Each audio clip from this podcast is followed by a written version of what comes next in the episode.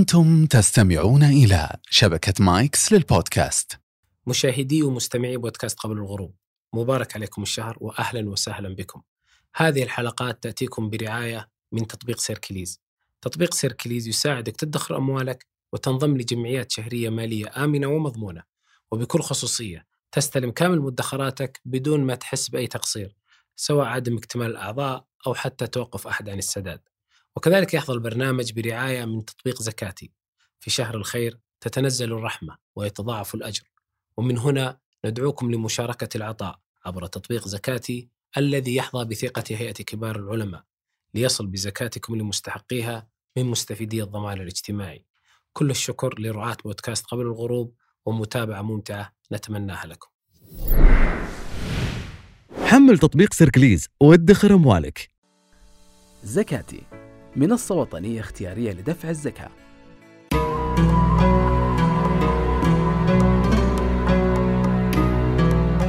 السلام عليكم. كان من عادة العرب إذا أرادوا أن يطلب العلم أن يتعاهدوا بعض العلوم لكي يكملوا بها أدواتهم. فلا يخرج منهم طالب علم إلا ولديه إلمام بتاريخهم وأيامهم وكذلك بأنسابهم.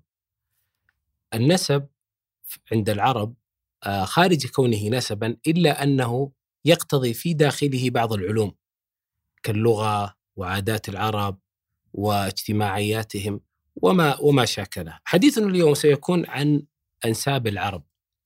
وسنتحدث باستفاضة عن العرب البائدة وما يتلو ذلك. آه، سنتحدث أيضا عن ميزه هذا الفن لدى طلاب العلم في تلك آه، الحقبة. أرحب بداية مع ضيفي الدائم فضيلة الشيخ صالح بن عواد المغامسي. أهلا وسهلا فيك يا شيخ. وعليكم السلام وحياك الله دكتور جابر وحيا الله والاخوه جميعا. في التاريخ نجد يعني صحابة وكذلك طلاب علم لديهم المام بنسب العرب. لهذه الدرجة هذا الأمر ضروري؟ الحمد لله وبعد. إلى حد كبير جدا. وقد ذكروا أن الصديق أبا بكر كان له قصب السبق فهو من أعلم قريش بانساب العرب. ولهذا النبي صلى الله عليه وسلم أشار على حسان بن ثابت أن يعلم هذا العلم أو يأخذ بعضه عن أبي بكر حتى لا يقع في شيء يمس النبي صلى الله عليه وسلم لما أراد أن يرد حسان على أبي سفيان بن الحارث ابن عم رسول الله صلى الله عليه وسلم في قضية لما هجاه وفقه حسان عن أبي بكر ذلك ومما يروى في كتب النسب والأخبار والسير ويذكره المؤرخون حدث أو قصة غريبة حدثت للصديق أبي بكر. مع فتى يقال له دغفل دغفل هذا بكري وائلي ويعد أعلم العرب بالنسب. كان يوم ذاك دغفل شابا صغيرا. والرواية تقول إن صحت أن النبي صلى الله عليه وسلم قدم السوق سوق عكاظ مع أبي بكر وعلي بن أبي طالب. فتنحى أبو بكر قليلا ولقي جماعة من ربيعة. فقال ممن القوم؟ قالوا من ربيعة. قال من أي ربيعة أنتم؟ من يعني كبارها أو من لهازمها؟ من هامتها أو من لهازمها؟ قالوا بل من هامتها. قال من أي هامتها؟ من ذهل الأكبر أو من ذهل الأصغر؟ هذا أبو بكر يسألهم قالوا بل من ذهل الأكبر. فقال الصديق رضي الله عنه أمنكم عوف الذي يقال عنه لا حر بوادي عوف؟ قالوا لا. قال منكم بسطام صاحب اللواء؟ قالوا لا. قال منكم الحوفزان الحارث بن شريك الذي كان قد سلب الملوك أنفسها؟ قالوا لا. قال من أخوال الملوك من كنده أنتم؟ قالوا لا. قالوا أأنت قال أنتم من أصهار الملوك من لخم؟ قالوا لا. قال بل أنتم من ذهل الأصغر وليسوا ولستم من ذهل الأكبر. كان دغفل يومها شابا فتى أعرابيا في القوم. يسمع هذا يسمع. تبقل وجهه. تغير. تورم. قال إن لمن سألنا حقا علينا أن نسأله. والعبء لا يعرف إلا بعد أن تحتمله. بيت شعر بهذا المعنى. فمن أين الرجل؟ قال من قريش. فمدح دغفل قريشا فقال من أي قريش أنت؟ قال من بني تيم بن مرة عرف دغفل نسب الصديق. لأن بني تيم لم يكونوا كذلك يعني ليسوا من سادة من قريش. السادة قريش. وإن كانوا من قريش. فقال أمكنت والله الرامي من سواء الثغرة. يعني وصل إلى مقصوده. فقال دغفل للصديق. أمنكم قصي الذي جمع فهر حتى قيل له المجمع قال أبو بكر لا. قال منكم هاشم الذي هشم الثريد لقومه ورجال مكة مستنون عجاف قال أبو بكر لا. قال أمنكم شيبة الحمد مطعم طير السماء الذي وجهه كأنه البدر في الليلة الظلماء؟ قال أبو بكر لا. قال أمن المفيضين بالبيت أنت؟ المفيضين بالناس أنت؟ قال لا. قال من أهل الندوة أنت؟ قال أبو بكر لا. قال من أهل الرفادة أنت؟ قال أبو بكر لا. قال من أهل السقاية أنت؟ قال أبو بكر لا. قال من أهل الحجابة أنت؟ فأخذ أبو بكر خطام ناقته ورجع وقال لا. قال دغفل صادف درء السيل درا يدفعه يهيضه حينا وحينا يصدعه. أما والله لو ثبت لأخبرتك أنك لست من الذوائب. فلما رجع أخبر كما تقول الرواية أبو بكر النبي صلى الله عليه وسلم فلم يزد على أن تبسم. فقال علي بن أبي طالب رضي الله عنه لأبي بكر رضي الله عنه قال لقد وقعت يا أبا بكر من الشاب من الفتى الأعرابي على بائقة. قال نعم يا أبا الحسن وما من طامة إلا وفوقها طامة وإن البلاء موكل بالمنطق. هذا الخبر في قضية البدء في الدخول في النسب. العرب أيها المبارك ينسبون إلى يعرب. هذا اسمه. قال حسان تعلمتم من الشيخ يعرب. صدر بيت له كيف كان أن العرب في لسانهم عجمة قبل يعرب. وهذا الاسم قليل في الناس اليوم. والمؤرخون يقسمون العرب إلى ثلاثة أقسام عرب عاربة وعرب مستعربة وعرب قبل ذلك بائدة. ويقصدون بالعرب البائدة الذين لم يبقى لهم عقب ولا نسل. ويذكرون منهم عاد وثمود وهذان ثابتان بنص القرآن. الله عز وجل قال في سورة الحاقة فهل ترى لهم من باقية؟ استفهام إنكاري يعني لا باقية لهم. ويعدون منهم طسم وجديس والعمالقة وجرهم الأولى ووبار وغيرهم هذه عرب بائدة ليس لها ذكر. بقيت عنها ومنها أساطير. ليس ثبتا ليس يقينا فيثبت ولا ظنا فينفى. يبقى الإنسان متحرج لكنها أقرب الحديث عنهم إلى الأساطير. مثلا يقولون في أسطورة بين طسم وجديس قبيلتان متجاورتان من العرب البائد أن طسم علت على جديس. يعني استعبدوهم تقريبا يعني إن صح هذا. حتى إن أحد الولاة من قسم اشترط على جديس أنه لا تتزوج امرأة لا تتزوج امرأة حتى يفترعها. والمعنى ظاهر. حتى مكثوا على ذلك دهرا. حتى أرادوا تزويج امرأة اسمها عفيرة أو عفيرة. فلما حملت إليه ووقع منه ما وقع خرجت. وقد كشفت الكثير من عورتها ودمائها بين رجال قومها. وقالت لا أحد أذل من جديس. هكذا يفعل بالعروس. اشتاط أهلها غضبا وأخوها بالذات. خدعوا هذا المتفرع عليه متفرع هذه ترى تجوز عند البلاغيين. وإن كان العامة يستخدمونها. المهم خدعوا هذا الرجل وأهله جميعا. دعوهم إلى طعام خبأوا السيوف في الرمال ومكثت القبيلة كلها تطعم ويظهر أنهم كانوا قليلي العدد ثم قتلوهم جميعا ولم يبقي منهم ولم يبقوا منهم أحدا. نجا رجل يقال له رياح ذهب إلى تبع اليماني استنجد به جاء تبع فأفنى جديس كلها ومات هذا رباح من قسم فانتهت أسطورتهم وانتهت ذكرهم هؤلاء جميعا. يسمون العرب البائدة وبار لم أجد لها ذكرا إلا في بيتين وجدتهما في شعر الفرزدق. كنت أحفظهما قديما يقول الفرزدق يرد على جرير.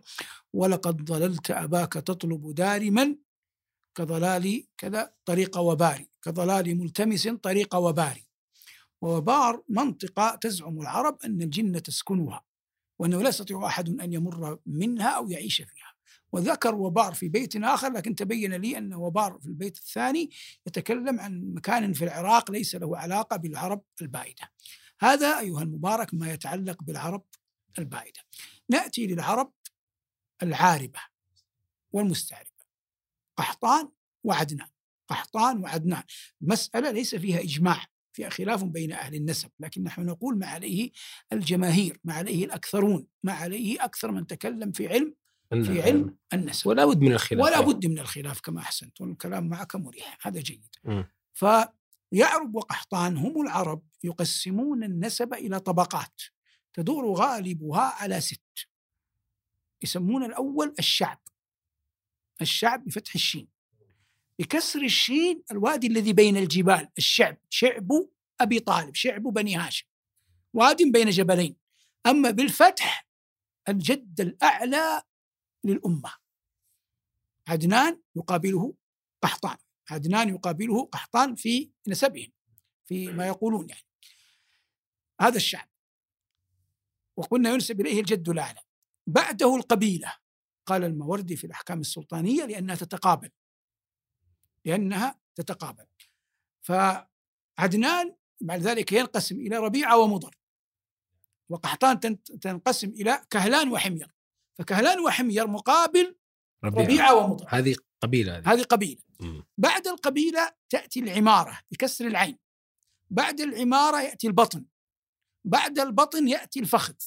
بعد الفخذ يأتي العشيرة عند قوم والفصيلة عند قوم. وفي ظني أن العشيرة ثم الفصيلة. الشعب والقبيلة جاءت في القرآن. يا أيها الناس إنا خلقناكم من ذكر وأنثى.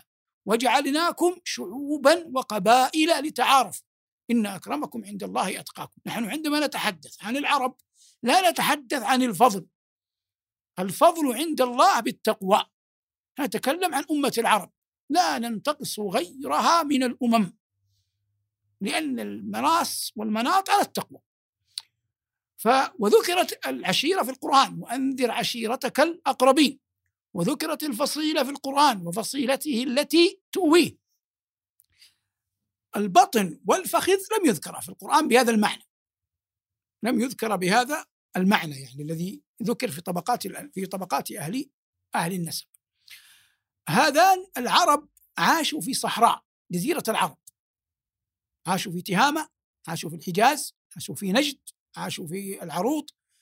هذه أكثر ديارهم بادية الشام في اليمن في جهة البحرين شرقا أن الأحساء وما جاورها هذه بادية العرب. هذه جزيرة العرب التي علمتهم الأنفة علمتهم الإباء عودتهم على كثير من مكارم الأخلاق وهذا يطول. وقلت المقام ليس مقام ذكر فضائل الآن. نتكلم أنا في في قضية النسب.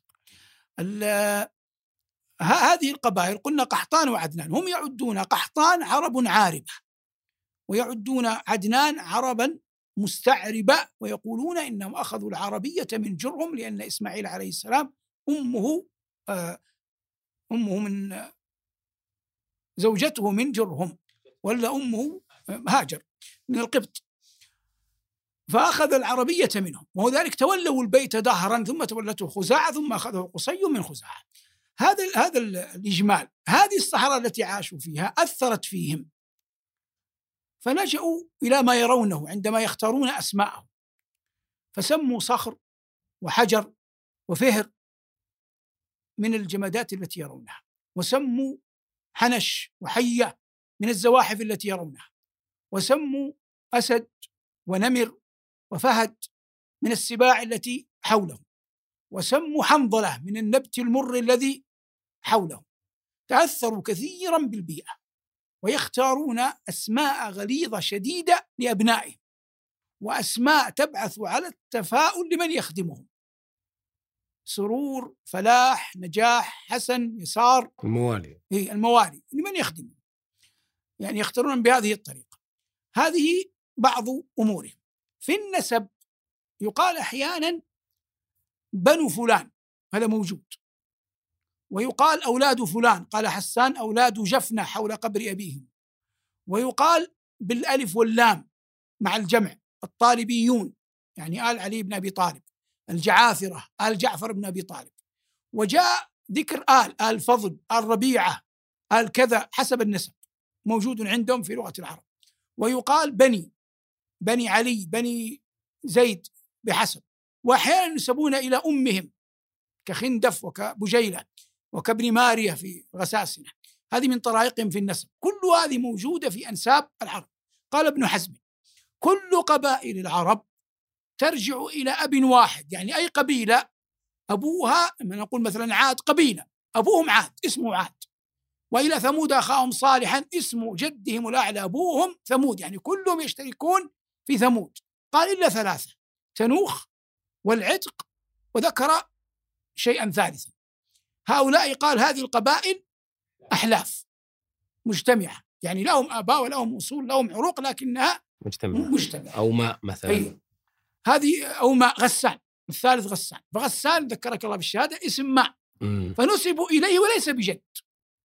ليس بجد يجمعهم لأنهم أحلاف تجمعوا عند هذا الماء. خرجوا من اليمن. هذا المقصود من من كلام ابن حزم رحمه الله وهو من علماء النسب الكبار المع- المعتد بهم. هذه ما يتعلق بأنساب العرب عموما. الخصومات دائما تأتي ما بين أبناء العمومة. لو أخذنا العدنانيون مثلا مضر وربيعة من أعلى مضر وربيعة قبائل. قبي- قبيلتان متقابلتان في من؟ في عدنان. في عندنا نعم. بعد الشعب الذي هو عدنان. الشعب الجد الأعلى عدنان الجد الأعلى. الأعلى. فمضر وربيعة بينهما تنازع وتنافس. فلما ظهر مسيلمة وادعى النبوة قال بعض ربيعة ماذا؟ قالوا كاذب ربيعة ولا صادق مضر. هو النبي صلى الله عليه وسلم لأن النبي عليه الصلاة والسلام من مضر. فقالوا كاذب ربيعة. لكنه لا يعني ذلك أن ينسب الكذب كله إلى ربيعة. فمن ربيعة خرج أفذاذ من العلماء ومن الرجال. معن بن زائدة من ربيعة. أحمد بن حنبل من ربيعة. المهلهل ربيعة المهلهل من قبل الإسلام من ربيعة. كليب من ربيعة الذي قاد العرب. بكر بن وائل كلها من من من, ربيعة. من ربيعة. على عزها ومجدها المعروف. تغلب تغلب من ربيعة تغلب من ربيعة. نعم. فهؤلاء كلهم من من ربيعة من هوازن قيس عيلان هواء من آه، مضر. من مضر. قيس عيلان هوازن غطفان قريش كنانة من قبل. لأن قريش من كنانة. هؤلاء كلهم من من مضر. لكن الله عز مضرا بالنبي صلى الله عليه وسلم. وأعز عدنان من النبي صلى الله عليه وسلم. وأعز العرب اجتمع الآن عدنان وقحطان بالنبي صلى, صلى الله عليه وسلم. نعم وأعز البشر به صلى الله عليه وسلم. يقول ابن الرومي من رجل اسمه أبو الصقر من شيبان من ربيعة مدحه قال قالوا أبو الصقر من شيبان قلت لهم كلا لعمري ولكن منه شيبان. وكم أب على بابن ذرى شرف كما علت برسول الله عدنان. فمفخرة عدنان كلها نبينا صلى الله عليه وسلم. مفخرة ابن أبناء إسماعيل كلهم النبي صلى الله عليه وسلم. هو مفخرة لمضر لأنه من مضر. فلما ظهر مسيلمة قال أصحابه كاذب ربيعة ولا صادق ولا صادق مضر. وقلنا مر معنا في قضية الشعراء أن الفر... جرير الجرير. يقول مضري أبي وأبو الملوك فهل لكم يا خزر تغلب من أب كأبينا. ومضر وربيعة ظهر منهم رجال كما قلنا وهم متقابلان. الأوس والخزرج من قحطان. وبينهم عداء. إلى أن انتهى في يوم بعاث. دائما يعني النسب والجوار والصنعة. هي أسباب العداء. النسب والجوار؟ القرابة يعني. والجوار والصنعة. كيف صنع؟ صنع المتحدين في صنعة واحدة. أها. يحدث بينهما ما يحدث ما بين أصحاب الصنعة الواحدة. ولذلك يقولون رجل قال لأحد الناس والله إني أحبك. أظنه مر معي. قالوا ما يمنعك من أن تحبني؟ يعني بدهي أن تحبني. نعم. لست قريبي ولا جاري ولا أنا وإياك شركاء في الصنعة. يعني أسباب العداوة منتفية. كم من قرابات بينهم من المودة والمحبة ما يعلمها إلا الله. وكم من جيران حفظوا الجوار وحفظوا ال- الأمر كثيرا. وكم من أصحاب صنعة أعان بعضهم بعضا وكانوا يدا واحدة على من سواهم. فنرى أن هذا القائل وقاله كثير من أهل العلم يعني موجود مبثوث في الكتب أنه يعني بعضهم يراه على إطلاقه ولا أراه على إطلاقه. فكم من أصحاب صنعة كان يحب بعضهم بعضا. لكنه موجود. يقولون أن الشافعي رحمه الله لما دخل بغداد كان على بغلة. وكان في الطريق أحمد بن حنبل ويحيى بن معين وهما هما في العلم من رجالات الحديث في المقام الأول. فلما رأى أحمد الشافعي قام محتفيا به وأخذ بلجام البغلة من إحدى الجهتين يعني يقود البغلة ويسأل الشافعي ويحتفي به ويعرف قدره. والشافعي وسن من أحمد يعني سابق في الولادة. فلما فرغ أراد يحيى لم يقوى على هذا. يعني التنافس في العلم ما قدر يحيى أن يصنع صنيع أحمد. أحمد نعم. فلما عاد أحمد أراد يحيى أن يغير مجرى الحديث. كان أحمد يلبس كأنه ثوبا جديدا. قال بكم هذا الثوب يا أحمد؟ قال أحمد دعك من الثوب. والزم لجام البغلة. يعني اصنع كما صنعت. فالذي منع منع يحيى بن معين هو المشاركة في في الصنع السنة وهذا عندما يعني يقول العلماء بالذات عند في علم الحديث يقولون ال- يعني القرناء والذين عاشوا في زمن واحد كلام بعضهم في بعض يطوى ولا ولا يروى. يطوى ولا يروى. ولا يروى. لأنه قلما يمدح أحد أحدا منافسا له في الصنعة كنقائض جري نقائض العصر نقائض مم. وكثير به وللأسف في أهل العلم أكثر عجيب وهذا مشاهد ملحوظ لا ينكره أحد منذ أن كانوا وابن عبد البر في كتابه جامع بيان العلم وفضله بين شيئا من هذا كان بين مالك ومحمد بن إسحاق صاحب السيرة مم. المطلبي ما بين مالك وابن أبي ذئب. وغيرهم كثير يعني حصل. شيء من النزاعات بهذا ال- السبب.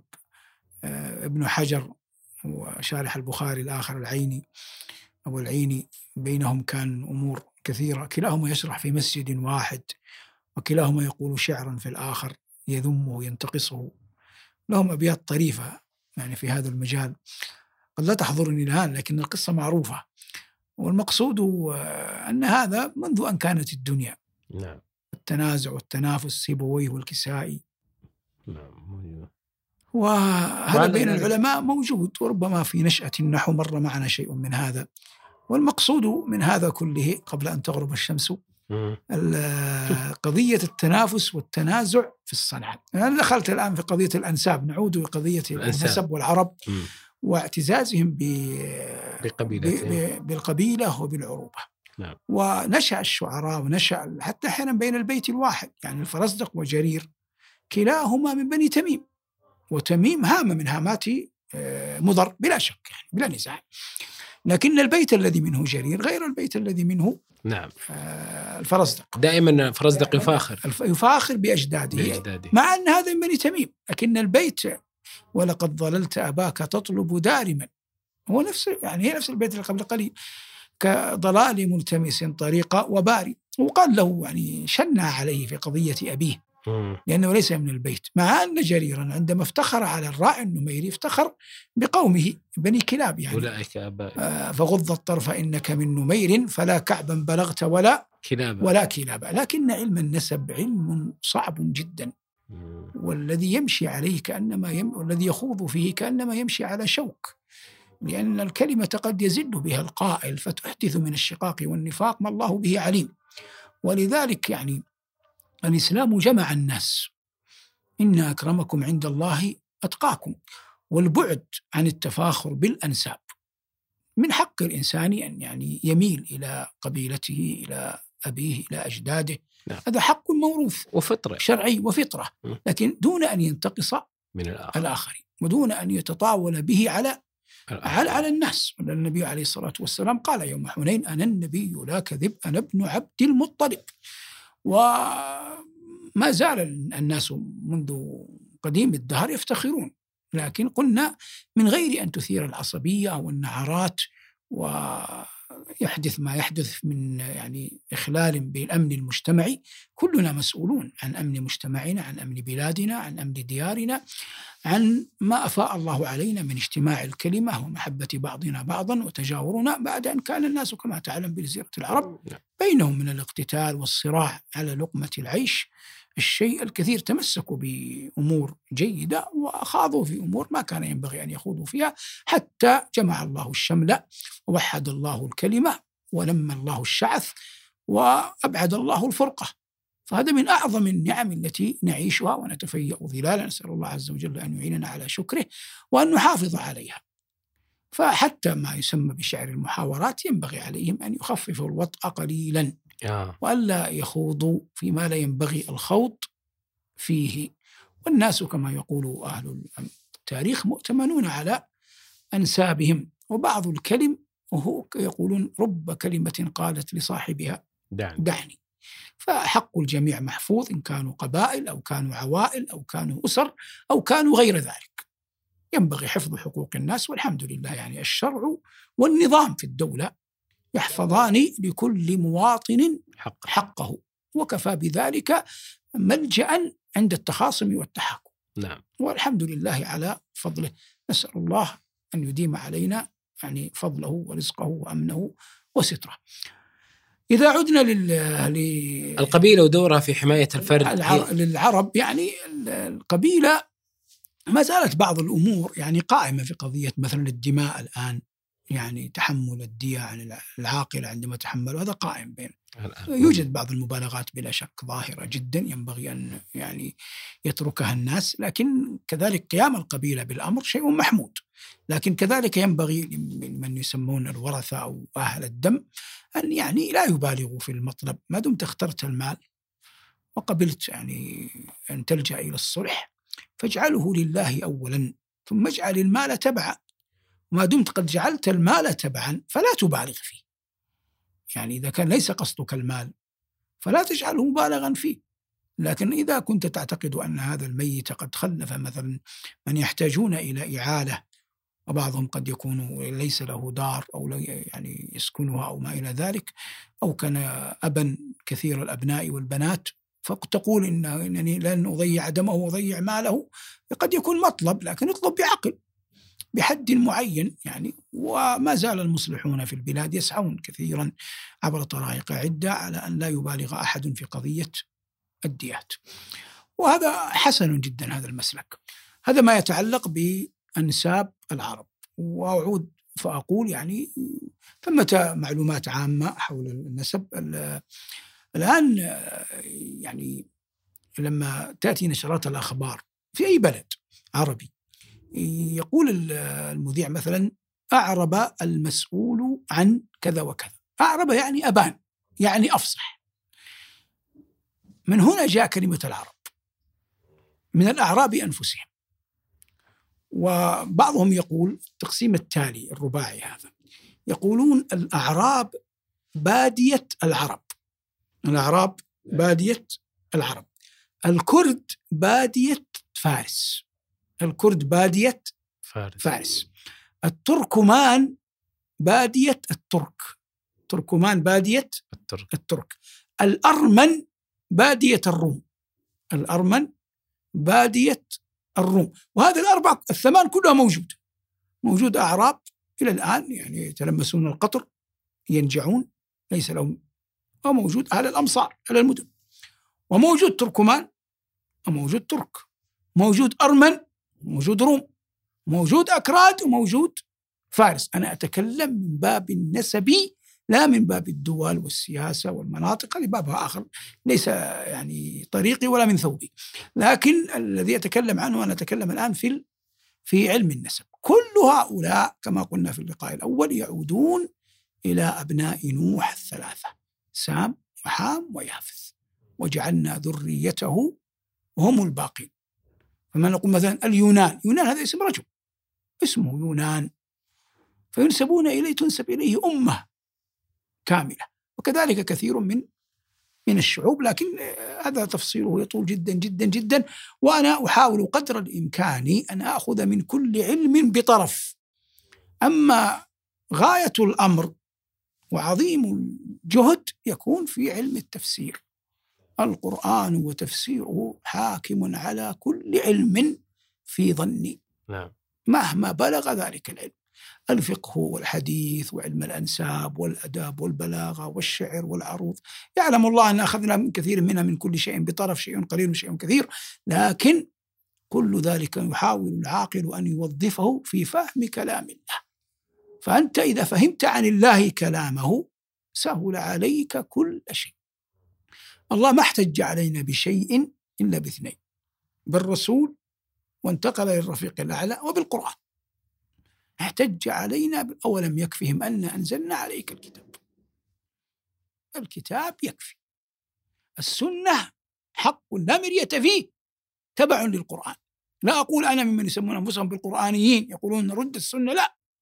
رد السنة كفر. لن يفهم القرآن إلا بالسنة. لكن ينبغي أن تعلم أن السنة تفيء إلى القرآن. السنة كلها في آية واحدة. وما أتاكم الرسول فخذوه وما نهاكم عنه فانتهوا. لكن حتى تحكم على صحة الحديث لا تكتفي فقط بالسند. انظر إلى أصل ذلك في القرآن. لا أريد أن أدخل في عالم الفتوى لأن الفتوى لها أهلها والدولة أعزها الله. يعني جعلت هناك هيئة دائمة للإفتاء وجعلت مفوضين مفوضين للإفتاء في كل منطقة علماء أجلاء يسألهم الناس ويكتفون بهم ونعم ما صنعت الدولة ونعم الرجال هم. لكن أنا أتكلم الآن تاريخيا فقط من باب التنظير العام لفنون العلم لا من باب الفتوى. شكر الله لك. ولكم أيها الغالي شكر الله لك. الشكر لكم أنتم مشاهدينا الكرام وإن شاء الله نلتقيكم في الحلقة القادمة. في أمان الله.